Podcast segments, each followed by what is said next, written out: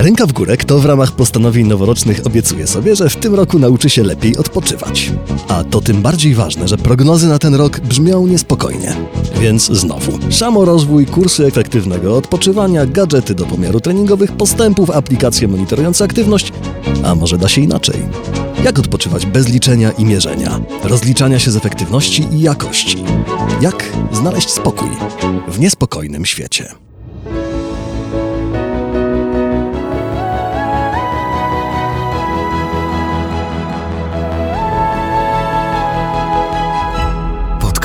Tygodnika Powszechnego. Weź, słuchaj. Ze studia Tygodnika Powszechnego przy ulicy Dworskiej 1C w Krakowie kłania się Państwu Michał Kuźmiński, a dzisiaj ze mną zdalnie łączymy się z badaczką, antropolożką kulturową, znakomitą pisarką i znakomitą felietonistką Tygodnika Powszechnego Olgą Drendą. Dzień dobry. Dzień dobry.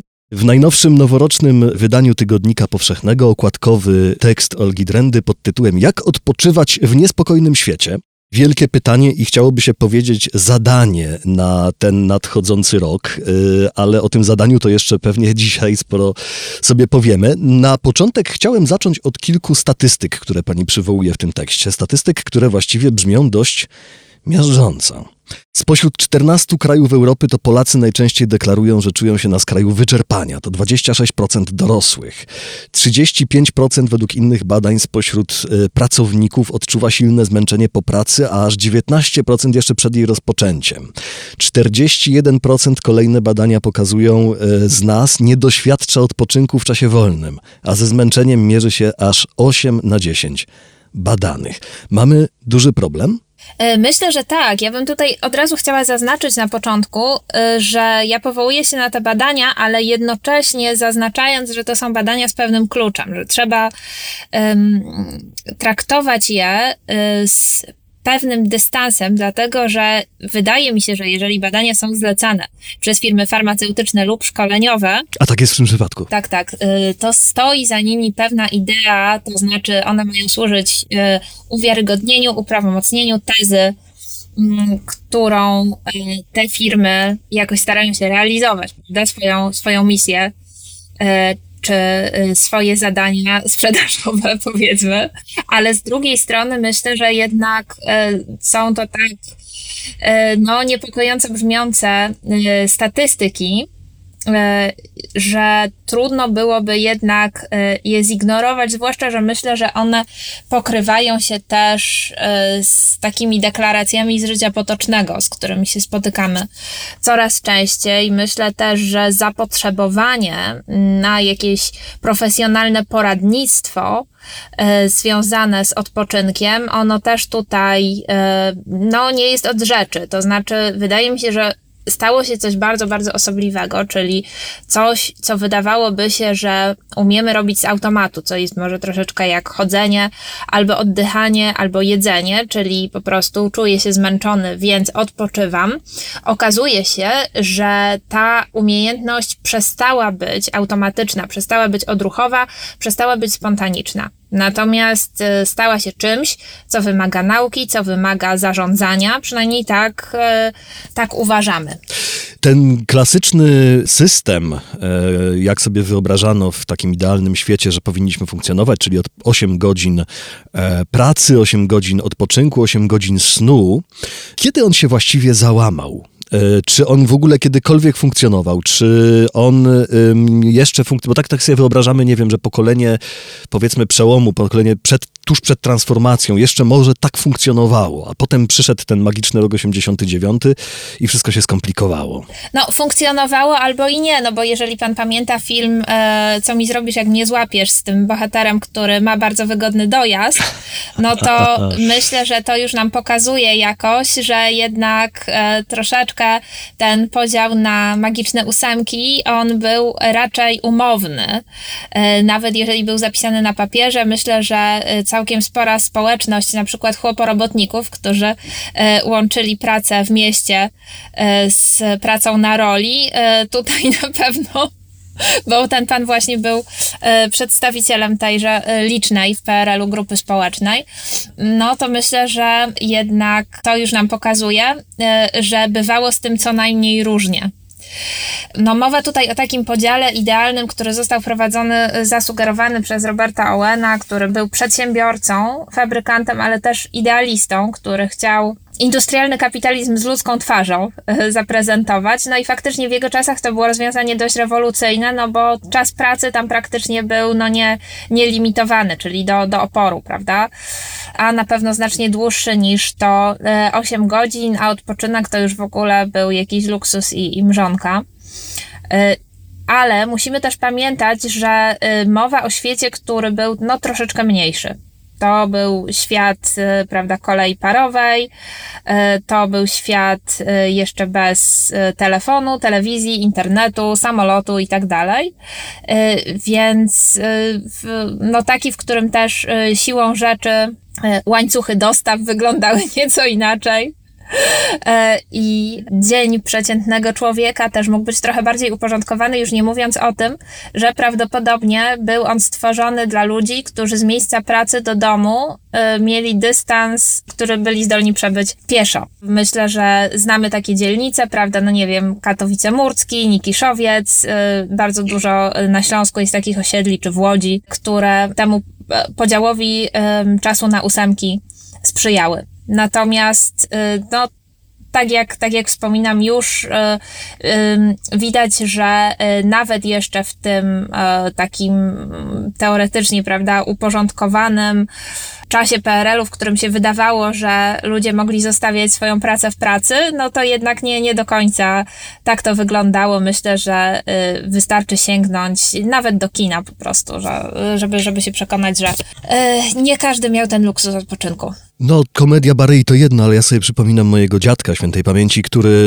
y, pracował jako budowlaniec przez cały dzień, dojeżdżając do Tarnowa, spod Tarnowa y, do zakładów budowlanych, a potem wracał i dopóki jeszcze światła słonecznego starczyło właściwie do nocy, pracował na swoich dwóch hektarach, żeby wyżywić rodzinę. A tymczasem my dzisiaj robimy sobie różne inne rzeczy, nie tylko za sprawą social mediów, y, ale za sprawą szerszego zjawiska, które pozwoliłbym sobie nazwać profesjonalizacją czasu wolnego. E, robimy sobie takie różne rzeczy, które sprawiają, że wszystko to, co teoretycznie powinniśmy robić dla rozrywki czy odpoczynku, nie wiem, gotowanie, podróżowanie, realizowanie jakiegoś hobby, staje się dla nas zadaniem pracą często wręcz, prawda? Tak, jest to, jest to bardzo interesujące zjawisko, które też y, zostały już opisane między innymi przez y, Douglasa Raszkofa, który pisze o takiej niekończącej się y, teraźniejszości. Czy jeszcze jest Thomas Eriksen, który bardzo pięknie nazwał to zjawisko tyranią chwili, to znaczy mowa o takiej sytuacji, w której pomimo tego, że mamy bardzo wiele usprawnień, które mają nam ten czas oszczędzać, czyli powiedzmy, jesteśmy w stanie zamiast wykonywać poszczególne prace ręcznie, powierzamy je różnego rodzaju zautomatyzowanym maszynom. Y, czy y, jesteśmy w stanie y, zlecić komuś usługę, żeby nas wyręczył w takiej czynności, która, nie wiem, kilkadziesiąt czy nawet jeszcze kilkanaście lat temu by spoczywała na naszych barkach, ale jednocześnie w subiektywnym odczuciu, a, a może i obiektywnie, wcale tego czasu nie zyskujemy, ponieważ wraz z tymi wszystkimi usprawnieniami rośnie jednak liczba zadań i potrzeb. My musimy tymi zadaniami zarządzać. Y, Im więcej usprawnień, tym większa też pokusa, żeby zmieścić coś w tym czasie, które nam y, pozostaje. Więc myślę, że tutaj y, budzi się pewnie w nas E, niejednokrotnie i e, taki apetyt na więcej, ale z drugiej strony też poczucie winy, jakieś poczucie grzechu, że mamy e, tak wygodnie, a marzymy o tym, żeby sobie ten czas zmarnować, więc tutaj taki wewnętrzny purytanin nas zaczyna poganiać. Mhm. Czy to jest w jakiś sposób pokoleniowe zjawisko? To takie zadaniowe podejście do odpoczynku, o którym cały czas rozmawiamy. Tak sobie myślę na szybko i taką hipotezę ad hoc mi przychodzi do głowy pewnie nie mnie jedynemu, że Y, jest coś takiego w y, milenialsach, prawda, którym całe życie kładziono do głowy, że trzeba się realizować, samorealizować, rozwijać i tak dalej, że, że to może być jakby zjawisko charakterystyczne, zwłaszcza dla milenialsów. Natomiast czy jedynie, czy, czy to widać też u innych pokoleń? Wydaje mi się, że to jest, że to jest złożone, im bardziej o tym myślę, dlatego dlatego że mm, taka odruchowa refleksja faktycznie wiedzie nas do e, myśli, że może to wszystko jest wina nowych technologii, że to jest e, wina dynamiki życia w internecie, e, ale z drugiej strony mm, myślę sobie, że jednak tutaj łączy się wiele zjawisk i globalnych, i lokalnych, a jednocześnie być może to takie nerwowe poszukiwanie zajęcia w czasie wolnym, ono ma też jakieś echo takie Pan wspominał o e, życiu na wsi wcześniej, a myślę, że takie poszukiwanie zajęcia i przekonanie, że przez cały czas trzeba coś robić, no bo też w gospodarstwie zawsze jest coś do zrobienia. E, to y, mam wrażenie, że być może to jest taka hipoteza, ale z drugiej strony teraz jest bardzo łatwo y, jakby wywodzić wszelkie możliwe zachowania. Nadawać im rodowód wiejski, także myślę, że to jest taka hipoteza y, bardzo, bardzo robocza, bo przecież jednak y, Amerykanie, którzy nie wszyscy są farmerami, też się tak zachowują. Tak, uważałabym z tym rodowodem chłopskim. To y, chyba nie, nie do końca jest prawda. Podoba Ci się podcast? Słuchasz go bezpłatnie dzięki patronom i patronkom podcastu Tygodnika Powszechnego. Sprawdź korzyści na patronite.pl. Spróbujmy to jeszcze chwilę podrążyć. Okiem antropologa kultury. Odpoczynek jako, jako y, imperatyw albo jako pomysł to jest późny wynalazek epoki industrialnej z jednej strony, czy coś absolutnie pierwotnego, e, co mamy po pramałpach, e, które też no siłą rzeczy odpoczywały. Nie mówimy o śnie, prawda? Mhm. To jest tak, inna tak, sprawa. Tak, to jest, to jest coś Mhm. całkiem innego. Odpoczynek, czyli taki taki czas, który mamy dla siebie, ale też służy naszej regeneracji, czy tak jak zgodnie z, z jedną z definicji e, słownikowych, czas, który służy pozbywaniu się zmęczenia. Mhm. Czyli e, to już nam pokazuje, że sam sen to jest za mało, żeby się tego e, zmęczenia pozbyć. No ale jednak okazuje się, że mm, jak sobie wyobrazimy tę dobę jako krążek sera, no to ten e, trójkąt na odpoczynek to jest ten, z którego najłatwiej jest coś tam uchlastać. Prawda? Ale y, myślę, że to zależy, jak to postrzegamy, dlatego że taki odpoczynek, y, który ma związek ze sprofesjonalizowaną rozrywką, no to faktycznie to jest, to jest wynalazek nowoczesności, ale y, to na pewno nie jest y, takie zjawisko, które w ogóle zrodziło się, czy, czy potrzeba, czy idea odpoczynku w, w nowoczesności, czy w nowożytności, dlatego że jeżeli spojrzymy wcześniej, to ono y, oczywiście jak najbardziej istniało, ale było postrzegane nieco inaczej. I myślę, że to jest y, dla mnie bardzo, bardzo interesujący trop. To znaczy ten odpoczynek, który starożytni Grecy nazywali schole, czyli taki czas, y, który służy kontemplacji który służy kontemplacji, który służy y, filozofowaniu, y, który służy jakiemuś y, wzbogacaniu siebie samego, nauce, ale też nauce poprzez odpoczynek, czyli jest w łacinie takie sformułowanie pożyteczna bezczynność, chyba tak. To Wiesław Myśliwski się na to też powoływał, y, że niby nic nie robimy w sensie zawodowym, ale tylko pozornie, dlatego że na przykład y, w tym czasie, nie wiem, porządkują się y, jakieś pomysły w naszej głowie. Ja generalnie uważam, że nie ma czegoś takiego jak czas zmarnowany. A, no ale tutaj też pobrzmiewają pewne niebezpieczeństwa, no bo jak y, mówimy o czasie na filozofowanie, no to to automatycznie zaczyna brzmieć jak wysiłek umysłowy, prawda? Y, czy nawet jakieś porządkowanie sobie w głowie, a nużna nie daje Boże nam przyjdzie jakiś pomysł do pracy. Czy da się tak całkiem wyizolować ten czas? Wydaje mi się, że y, w, w swoim zamierzeniu to miał być taki czas, w którym jakby y, dzięki pewnemu rozluźnieniu i swobodzie mm, takie pomysły mogą pojawić się same. Więc myślę, że tutaj jest to coś takiego, co ma związek z e, pewnym luksusem nudy. Też. To przychodzi mi do głowy takie skojarzenie. E, Jeżeli ktoś interesuje się e, współczesną muzyką, pop i rock, to wie, że w latach 80.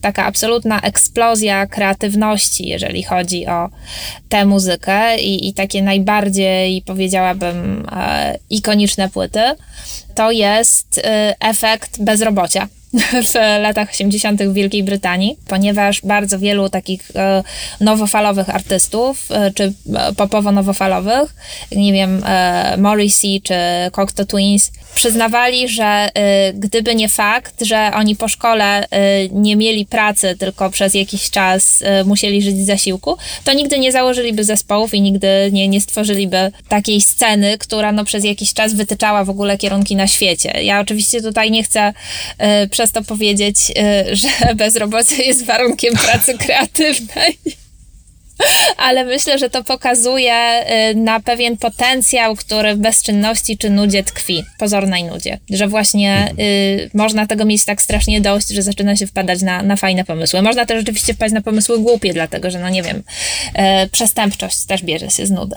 czasami. Mhm. Mhm. Tak się jeszcze zastanawiam, idąc tropem takim trochę historycznym i antropologicznym, czy to może jest tak, że odpoczynek jest przywilejem jest przywilejem klasowym, prawda? Absolutnie nie chciałabym, żebyśmy tak myśleli. Ja myślę, że to jest Aha. coś strasznego, bo wtedy się okazuje, że jakby, że jest to gratis, że jest to jakiś niezasłużony gratis. Myślę, mhm. że to jest absolutnie jakaś ślepa uliczka ta weblanowska, prawda? Że jest ta klasa próżniacza, bo to już jest, to już jest tak aksjologicznie nazwane. To jest coś strasznego. Po, po prostu y, to brzmi tak, jakby jedzenie było przywilejem klasowym. Myślę, że absolutnie nie, nie, nie, nie możemy w ogóle w ten sposób myśleć, dlatego że w tym zawiera się ocena. W tym zawiera się ocena, w tym zawiera się aksjologiczna ocena. To, to brzmi jak marnotrawstwo. Jestem za e, rozważnym i ostrożnym używaniem w ogóle takich słów jak przywilej, dlatego że one są e, moim zdaniem bardzo ocenne. W pełni się zgadzam. A odpoczynek jest prawem, a nie towarem. Tak, tak, tak. Ja uważam, że jest to po prostu normalna rzecz, że jest to, jest to normalna rzecz, taka jak jedzenie, sen, e, jak ruch czyli e, coś, co należy do takiego pakietu podstawowego, nawet nie jest prawem, ale elementem podstawowego wyposażenia i, i podstawowego pakietu potrzeb każdego człowieka. A myślę, że jeżeli zaczynamy reglamentować te podstawowe potrzeby, czy w, jeżeli zaczynamy uważać je za jakieś niezasłużone bonusy od losu, to coś tutaj głęboko nie gra, prawda? Myślę, że oczywiście warto jest rozmawiać o tym, co się dzieje, kiedy odpoczynek właśnie staje się takim luksusem czy przywilejem. To chyba raczej świadczy o konstrukcji społeczeństwa, w którym jedni mają o wiele lepiej niż inni. No, ale myślę, że z samej swojej zasady yy, nie, nie, nie powinniśmy o odpoczynku myśleć w takich kategoriach. Y, z jednej strony można by tutaj mówić, że współczesność y, zagwarantowała nam coś takiego jak prawa pracownicze, prawda, jak prawo do odpoczynku, również wpisane, y, od czego zaczyna pani swój tekst, wpisane w elementarne prawa pracownicze. No z drugiej strony mówimy o pewnego rodzaju, z jednej strony go, wykreowanym jako, jako przy, przymus czy potrzeba, a z drugiej strony też jako pewnego rodzaju kulturowe zjawisko, to się brzydko nazywa kulturą dolu, prawda? Jak to rozstrzygnąć? Znaczy, z jednej strony, z jednej strony czujemy, że y, tak musimy poważnie, prawda, pamiętać o weekendach, pamiętać o y, urlopach, a z drugiej strony y, że jednak ta presja, która nie bierze się czas, często z góry, ale jakby zewsząd, istnieje. Tak, tak, tak, oczywiście, bo tutaj mamy do czynienia z, znowu ze splotem różnych zjawisk. Po pierwsze, jakby to prawo do odpoczynku, ono jest przede wszystkim uwzględnione w umowach o pracę. Natomiast no, umowy o pracę posiada tylko część osób zatrudnionych na różne sposoby, dlatego że mamy też osoby samozatrudnione, mamy osoby na umowach cywilnoprawnych i, i różnego rodzaju innych kontraktach, które pozwalają te mm, zasady zdecydowanie naginać. E, niektórzy też robią to dobrowolnie. E, w, jako osoba, która e, od wielu lat e, jest samozatrudniona, znam tą znam te realia bardzo dobrze. E, I bywa, że granica między presją a dobrowolnością e, też jest bardzo cienka, dlatego że oczywiście ktoś może e, realnie dużo pracować i jest to wtedy faktycznie praca, dlatego że jest to, nie wiem, realizacja jakiejś potrzeby czy ambicji, czy ktoś, nie wiem, chce się uczyć, czy, czy ktoś ma do zrealizowania jakiś pomysł, który jest jego idea fix i dlatego nie, nie myśli o niczym innym. No cóż, ludzie też mają do tego prawo. Natomiast oczywiście myślę, myślę, że ta kultura zapinkolu, o której rozmawiamy, ona często ma też y, związek z pozorowaniem pracy, że jest to taki, no dobra, powiedziałam wcześniej, że uważam, że nie ma czegoś takiego jak marnowanie czasu, ale myślę, że w tym przypadku jest, to znaczy wtedy, kiedy to jest pozorowanie pracy jedynie przez jej obecność i, i markowanie, że coś się robi, żeby wydawać się zajętym. Jest to, no, bardzo y, ciekawy fenomen, ale też y, bardzo smutny, dlatego, że y, tu mamy do czynienia z pracą długą i też na pewno wyczerpującą, ale taką, która w ogóle nie jest y, skuteczna, która w sumie niczemu nie służy, prawda? Jasne, jasne. Jak w tym starym dowcipie, że jest tyle roboty, że nie ma kiedy taczek załadować. Tak, prawda? tak, tak, dokładnie. To mam jeszcze jedno pytanie do antropolożki kulturowej. E, mianowicie o pojęcie, które jest równoległe, ale nie tożsame z pojęciem odpoczynku. E, mianowicie pojęcie zabawy. E, Bo jest też tak, i to też przywołuje pani w tekście, jest takie, po- pojawia się w e, artykule takie pojęcie opóźnianie snu w akcie zemsty, prawda? Ono pochodzi z Chin i ono opisuje y, takie zjawisko, kiedy się potrafimy strasznie namęczyć, żeby odpocząć. O tak, to y, Chińczycy dla wszystkiego znajdują poetycką nazwę, tak jak bateria to jest morze prądu, to tak samo właśnie jest to e, e, tak, opóźnianie, e, opóźnienie snów, akcje zemsty. To, e, Ciekawe, jak wygląda piktogram tego, tego y, sformułowania, Zapytam prawda? siostrę, ale y, myślę, że y, ja tutaj też jestem y, winna temu zjawisku, bo jakby ja sobie zdaję sprawę z tego, że jest to zupełnie autodestrukcyjne, jest to bardzo, bardzo szkodliwe, ale no muszę tutaj wyznać na antenie, że ja to robię i ma to związek z tym, że po prostu późno w nocy jest cisza. Wiem, że nikt nie będzie czegokolwiek ode mnie chciał, więc mogę zrobić coś pożytecznego, zamiast czegoś pożytecznego oczywiście skroluję internet. Więc niestety e, jakby tutaj em, to e, jakieś samo zatruwanie się, bo myślę, że jest to, jest to faktycznie destrukcyjne. Ja wiem, że w tym czasie mogłabym obejrzeć film. Był taki moment, kiedy miałam złamaną rękę i wtedy faktycznie doznałam e, tego błogosławieństwa wręcz nadmiaru wolnego czasu, bo nie byłam w stanie wykonywać e, mojej pracy standardowo. No i wtedy mm, nie musiałam e, dokonywać tej zemsty, natomiast dobrowolnie siedziałam czasami do późna i czytałam poezję. To był jeden z momentów, w którym jakby to e, ten, ten wzbogacający wymiar przymusowego odpoczynku naprawdę na mnie spłynął, ale jakoś e, w innych warunkach, kiedy jestem zdrowa, nie potrafię tego powtórzyć. Zastanawiam się, o co chodzi, prawda? Aha, aha, Tak, aha. tak. Myślę, że to jest bardzo, bardzo powszechne zjawisko i ono ma związek z tym, e, że e, dni są zapchane właśnie tą tyranią chwili, nieustającym przepływem informacji i wiadomości. Nawet jeżeli realnie mamy do zrobienia tylko kilka rzeczy, to one są obudowane mnóstwem drobiazgów, e, które zderzają się ze sobą, które oplatają nas, na które trzeba cały czas reagować. I myślę, że jest to bardzo, bardzo e, wyczerpujące, że, że to są takie e, mikrozadania, które często są błahe i głupie, ale wymagają uruchomienia się w e, stanie gotowości. No a wiemy, że po prostu włączenie i wyłączenie urządzenia jest trudniejsze niż utrzymanie go e, w stanie pracy, a my musimy się nieustannie przełączać, więc ta, ta nasza, nasza fizyka na tym cierpi. Mamy dla Ciebie o wiele więcej. Dużo czytania czeka w każdym wydaniu Tygodnika Powszechnego. Kup na stronie tygodnikpowszechny.pl lub w kiosku. A co z tą zabawą? Yy, Kalua yy, wyróżnia taki rodzaj zabawy, która nazywa się innings, prawda? Ta związana z jakimś rodzajem odurzenia, czy to hałasem, czy to substancjami, yy, kiedy to yy, odpoczywamy, wydaje nam się, yy, po ciężkiej pracy w taki sposób, że jesteśmy ledwo żywi po tym odpoczynku. No tak, prawda? tak, odpoczywamy poprzez ogłuszenie, no ale to nie jest zawsze yy, jakaś destrukcyjna zabawa, dlatego że, no nie wiem, jazda na deskorolce też jest takim rodzajem zabawy, a myślę, że ona jest pożyteczna dla ciała i ducha, prawda? Czy, yy, nie wiem, trampolina, karuzela.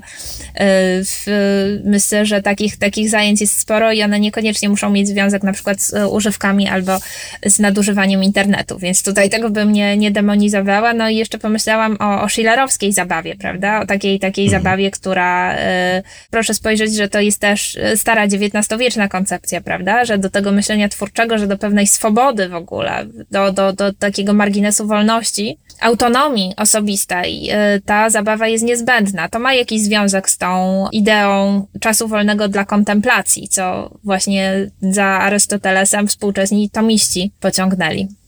Spróbujmy wobec tego e, pokusić się o taki mikroporadnik na 2024. Broń Boże, nie zadań do zrealizowania, Tak. ale pomysłów, jak sobie troszeczkę pomóc e, z odpoczywaniem. E, no na pewno e, takie oczywistości, jak właśnie to, żeby wybierać te zdrowe rodzaje zabawy, jeżeli już zabawa ma być formą odpoczynku, to jest jedno, ale e, w pani tekście pojawia się taki pomysł, żeby znowu e, antropologiczno-kulturowa kategoria, prawda? Czasu e, świętego i czasu świeckiego, żeby trochę się zainspirować e, tego rodzaju podejściem. No, to jest właśnie ten czas kontemplacyjny. Ja tutaj uważałabym z tym podziałem też na święto i czas świecki, dlatego że i tutaj e, ta rzeczywistość takiego bardzo szybkiego utowarowiania rzeczy wkrada się. Czytałam kiedyś bardzo fajny esej Anne Helen Petersen, takiej bardzo lubianej przeze mnie autorki, która ma e, szybkie i bardzo y, też ostre obserwacje na temat współczesnego świata i ona uważa, że to nie jest tak, że pozbyliśmy się sakrum i święta z naszego świata, tylko wprost przeciwnie. Przechodzimy od święta do święta i nie ma czasu świeckiego. Że po prostu e, kończy się sezon bożonarodzeniowy i zaraz zobaczymy króliczki w sklepach że po prostu y, mamy święto i przygotowanie do święta, że, że nie, ma, nie ma czasu zwyczajnego świeckiego i że to jest jedna z przyczyn naszego współczesnego y, braku odpoczynku. Natomiast myślę, że faktycznie ten y, czas na samodzielne myślenie, na samodzielne tworzenie, na kontemplację jest to pewnego rodzaju właśnie taki twórczy opór, bunt. Myślę, że to jest właśnie to wywalczenie sobie autonomii przeciwko pośpiechowi. Ja nie jestem tutaj jakimś super przykładem. Przyznałam się co najmniej trzy razy w trakcie naszej rozmowy, że szef z bez butów chodzi, że napisałam tekst o e, niezbędności odpoczynku, a sama y, siedzę do późna scrollując internet, więc no myślę, że E, nie, nie jestem tutaj jakaś super wzorcowa, ale też y, odkrywam, co w mnie samej służy, czyli na przykład y, to, kiedy w jakiś sposób warunki wymuszają skupienie się na tylko jednej albo dwóch rzeczach, czyli na przykład spacerujemy słuchając muzyki, no ale nie bardzo możemy wtedy robić cokolwiek innego, prawda? Próbowałem, nie da się. Tak. Niektórzy sobie dyktują teksty, podobno idąc wtedy. Matko. Yy, to jest tak, to próbowałem, próbowałem słuchania, równoczesnego słuchania podcastu i czytania y, z telefonu i okazało się, że to kompletnie nie, nie działa. Można wejść w słup. dokładnie, dokładnie. Ym, więcej Warto na też mieć ten... psa, tak? dlatego że ten, ten pies jest tak absorbujący, że nie da się robić nic innego. Ale nie robienie nic innego jest też cennym tropem, prawda? Tak, Czy tak, tak. Trzymanie się jednej rzeczy. To Dorota Kotas kiedyś napisała taką świetną rzecz, że trzeba dziennie robić tylko jedną rzecz, a potem odpocząć. Więcej w najnowszym, noworocznym numerze Tygodnika Powszechnego, do którego serdecznie Państwa zapraszamy. Ten tekst znajdą Państwo też w portalu tygodnikpowszechny.pl. Tam również można dowiedzieć się o tym, jak wspierać nasz podcast, jak wspierać Tygodnik, Fundację Tygodnika Powszechnego na rozmaite sposoby. E, Zachęcamy do tego, zachęcamy e, do zajrzenia na patronite.pl, gdzie też można znaleźć Fundację Tygodnika Powszechnego. Wszystkim, którzy e, wspierają nasze działania, serdeczne, serdeczne e, dzięki. E, A zapraszając do tego e, noworocznego numeru, chcę jeszcze panią zapytać, bo pani już miała okazję przejrzeć e, ten numer. E, Czy jest tam coś, co pani by poleciła? E, ojejku, nie, ja zawsze polecam każdy numer. To tutaj e, myślę, że też to jest trochę bycie sędziną we własnej sprawie. Prawda? Felie- felieton, końcu- felieton, polecamy no, felieton Tak, tak, tak, tak. Nie, polecam oczywiście całość. I jeszcze przypomniał mi się jeden sposób na odpoczynek. Należy Aha. zanurzyć się w basenie. Wtedy naprawdę nie da się robić nic innego. I to jest piękna puenta. Olga Drenda, y, autorka tekstu Jak odpoczywać w niespokojnym świecie w noworocznym Tygodniku Powszechnym. Bardzo serdecznie dziękuję. Dziękuję. Państwu życzymy, no cóż, nudniejszego roku, prawda? I do usłyszenia już za tydzień. Dziękujemy za wysłuchanie podcastu. Poznaj też moc czytania na tygodnikpowszechny.pl. Czytaj i rośnij z nami.